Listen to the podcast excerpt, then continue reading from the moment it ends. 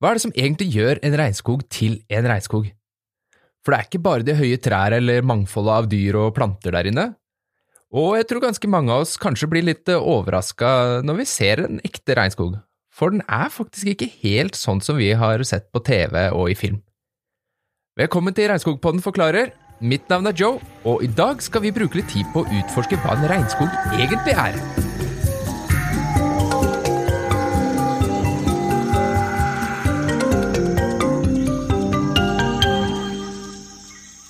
Ok, prøv å lukke øya dine og se for deg en regnskog. Hva er det du ser?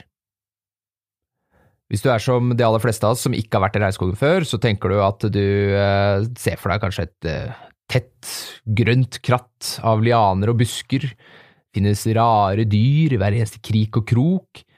Det finnes blomster i alle regnbuens farger, kanskje.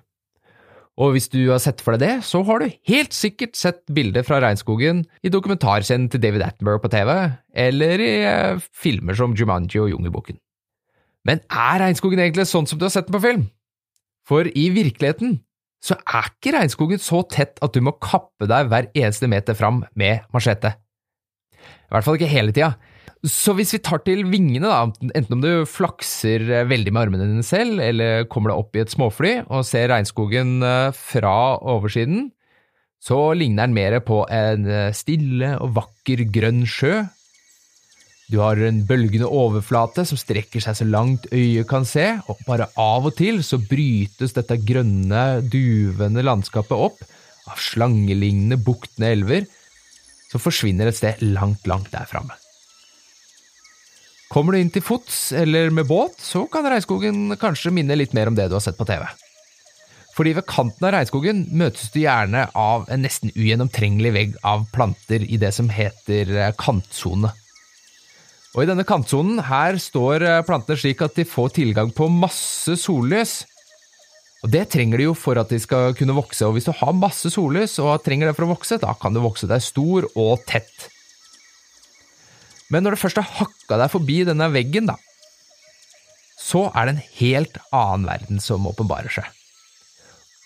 Over deg så kan du se et grønt tak av løvverk, og dette taket det blokkerer nesten alt som er av sollys, så når du står der inne, så bruker øynene dine litt tid på å venne seg til mørket. Og mens sansene dine og hjernen din venner seg til en uh, ny og litt annerledes verden, så virker alt helt stille. Helt til du kommer litt til hektene igjen, og da blir du slått av en kakafoni av lyder som treffer deg fra alle kanter. Og du ser ikke et eneste dyr til å starte med, men du hører dem. Du hører dem over deg. For høyt der oppe i trekronene, det er der mye av livet i regnskogen foregår. Der du står, så kjenner du kanskje at det er godt og varmt. Temperaturen i regnskogen den ligger stabilt rundt eh, noen og tjue grader, kanskje litt på plussida. Men en kjempehøy luftfuktighet den gjør at det føles eh, mye varmere, og mens du står der, så føles det kanskje ut som du er eh, inni en sauna, påkledd. Så mens du tråkker inn der, så kan du kjenne at T-skjorta di den klistrer seg til ryggen mens du svetter deg gjennom regnskogen. Og den vegetasjonen som du akkurat har hakka deg gjennom, som var så tett at du måtte bruke machete, den er borte. Den er bytta ut med mindre busker og gigantiske trestammer. Noen av de trestammene står rett opp som levende trær, mens noen eh, ligger kanskje bøyd pent nedover. Og du tenker kanskje at uh, bakken den er nok dekka av litt sånn kompost, altså døde blader og barnåler og nøtterester og sånn, sånn som du ser for deg når du går tur i skogen i Norge. Men inne i regnskogen så er vekstforholdene så gode og konkurransen om ressursene så store at alt som faller til bakken, blir spist opp eller brutt ned av bitte, bitte små mikroorganismer, nedbryterne, med en gang det treffer eh, skogbunnen. Og så har du eh, gått eh, en tur inn i regnskogen, og det begynner å bli mørkt, og du tenker at nå kommer natten, så nå skal vi legge oss og slappe av litt før ferden går videre i morgen. Så du henger opp hengekøya di og dekker deg til med myggnetting, og tenker at nå blir det stille og godt å sove inne i denne mørke skogen. Men så slår det at det er jo lyder overalt, for på kvelden da kommer siristene og froskene frem fra dagleiet sitt hvor de har ligget slappet av og gjemt seg for rovdyr hele dagen. Og de kommer ut for å synge etter en kjæreste, de skal skaffe seg en make. Mens du ligger der, så kan du gløtte ut gjennom myggnettingen din og se opp gjennom bladverket. Der kan du se Melkeveien lyse kraftigere enn du noen gang har sett før. Og hadde det ikke vært for at trærne sto i veien for deg, så ville du se den bre seg utover hele nattehimmelen. For her inne finnes det ingen lysforurensning fra verken lyskastere eller gatelys. Etter en natt i hengekøya så våkner du deilig og uthvilt på morgenen, og du bestemmer deg for å traske enda litt lenger inn i regnskogen. Der legger du merke til at det går faktisk stier på kryss og tvers gjennom eh, hele skogen. Og for et utrent øye så kan jo alt se likt ut. Du tenker kanskje at dette her er eh, dyretråkk, her har tapirer og jaguarer hatt sine nattlige vandringer gjennom skogen. Hvis du ser litt nøyere etter, så ser du at noen plasser så er det knekte greiner i skulderhøyde. Og disse knekte greinene de fungerer faktisk som veivisere for urfolkene som kaller regnskogen for sitt hjem. 50 meter eh, over deg, det er der du finner det virkelig store livet i regnskogen. For her oppe under trekronene, der finnes det mat og ressurser til, til dyrene som bor der, og til plantene, selvfølgelig. Så der oppe finner vi regnskogens storby.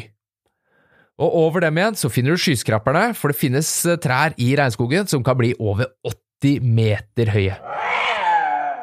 Men det er ikke bare de store trærne eller det store mangfoldet av dyr og planter som gjør en regnskog til en regnskog. Det er sammensetningen av dette mangfoldet, klimaet og den utrolig lange evolusjonære historien som gjør regnskogen så spesiell. Og det finnes faktisk flere typer regnskog, avhengig av eh, hvilket klima skogen vokser i, høyde over havet, voksested. For eksempel så finnes det regnskog i Norge, ja, jeg tuller ikke. Det finnes faktisk eh, regnskog på kysten av Trøndelag og utenfor Bergen. Der er det jo større sesongvariasjon enn i den tropiske regnskogen, og med tørre og kalde perioder så feller jo eh, trærne her blader på høsten. Men det er likevel regnskog. Det er jo litt kult. Tropisk regnskog, derimot, som vi i Regnskogfondet jobber med å bevare, den vokser i områder der det er minimale forskjeller i nedbør og temperatur gjennom året. Regnskogen som vokser langs fjellsider i tropene, kalles fjellregnskog, eller eh, tåkeskog, mens de som ligger lavere i terrenget, kalles gjerne for eh, lavlandsregnskog. Enkelt og greit. Blant regnskogene så er det ganske store forskjeller i de ulike verdensdelene, og mange av artene som du finner der, er endemiske. Det betyr at eh, disse finnes bare i et bestemt land et bestemt liten region, eller til og med bare en bitte, bitte liten del av en bitte liten del av en regnskog. For enkelhets skyld så er en tropisk regnskog våt og varm året rundt. Det de tropiske regnskogene har til felles, det er at de er veldig, veldig gamle økosystemer. Og i disse økosystemene så har alle artene fått utvikle seg sammen, og derfor så er de avhengig av hverandre. Planter, frøspredere, rovdyr Alle disse lever sammen i et veldig sånn komplisert nettverk hvor de eh, interagerer med hverandre. Noen spiser dette, og annen spiser det, og så møtes de sammen, og så utgjør de altså et nettverk av, eh, av dyr og planter i regnskogen. Og dette nettverket det er satt sammen gjennom millioner av år med evolusjon.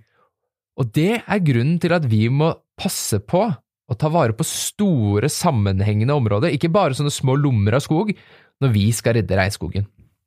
Fordi i de tropiske regnskogene så lever faktisk mer enn halvparten av verdens landlevende arter. Det gjelder både planter og dyr. Der finner du alt fra de aller minste insektene og leddyr som edderkopper og sånt nå, til skoglevende elefanter og kjempetrær. Alle disse lever livet sitt i regnskogen. Og hvis ikke det var nok, så er det jo sånn at mye av maten og drikka som vi nyter til daglig, sånn som kakao, kaffe, bananer, de har faktisk sitt opphav i regnskogen, og mange av de dyrkes fremdeles nettopp i regnskogsområder. Det finnes også en masse medisinske underverker som har opphavet sitt i regnskogen. For eksempel så finnes det medisiner mot kreft, malaria, hjertesykdommer, bronkitt, dysentri, tuberkulose osv., osv., som eh, man har funnet i eh, planter og dyr i regnskogen.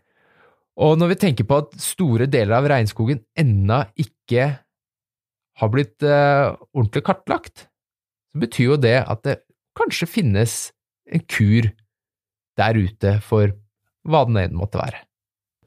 Grunnen til at vi finner alt dette her ute i regnskogen, altså alt fra biomangfold til uh, maten og drikka som vi liker, og uh, kreftmedisiner, det er fordi regnskogene våre er supergamle og kompliserte nettverk av arter og miljøer. De danner livsgrunnlaget for millioner av liv, både menneske-, dyre- og planteliv, og de har gjort det i millioner av år. Så i tillegg til å være supermarked og apotek for eh, oss mennesker, så er regnskogen også en brems for ekstremvær og karbonlager for karbon som pumpes ut i atmosfæren. Det er jo kjempeviktig med tanke på den klimakrisen vi er inne i. I tillegg så regulerer faktisk regnskogen været og varme i den regionen hvor den finnes. Den sørger faktisk for nedbør, altså regn eh, til omkringliggende områder, så hvis du er en bonde på kanten av eh, Amazonas, så er du faktisk avhengig av regnskogen for å sikre deg regn til avlingen din. Regnskogen gir oss mennesker massevis av sånne gratistjenester, og det kaller vi for økosystemtjenester. Men det skal vi se på litt nærmere seinere i eh, denne sesongen. Så hva er da regnskog? Jo, det er en eviggrønn, våt og varm skog. Den er hjem for millioner av dyre- og plantearter. Den er livsgrunnlaget for millioner av mennesker. Den er et økosystem som vi mennesker har nytt godt av siden vår art reises opp på to bein. Den er et økosystem som både har en økonomisk verdi fordi den leverer tjenester og goder til oss mennesker, men kanskje viktigst av alt, så er regnskogen et økosystem som også har en egenverdi i sin egen unikhet. Og jeg synes bare det gjør regnskogen verdt å ta vare på. I neste episode av Regnskogpodden forklarer så skal vi snakke mer om det enorme mangfoldet som finnes der ute. Vi skal snakke om eh, hvorfor det finnes så mange arter akkurat i regnskogen, og ikke minst så skal vi dra frem noen eh, litt eh, rare eksempler på tilpasninger til livet i regnskogen. Så du, vi ses i regnskogen.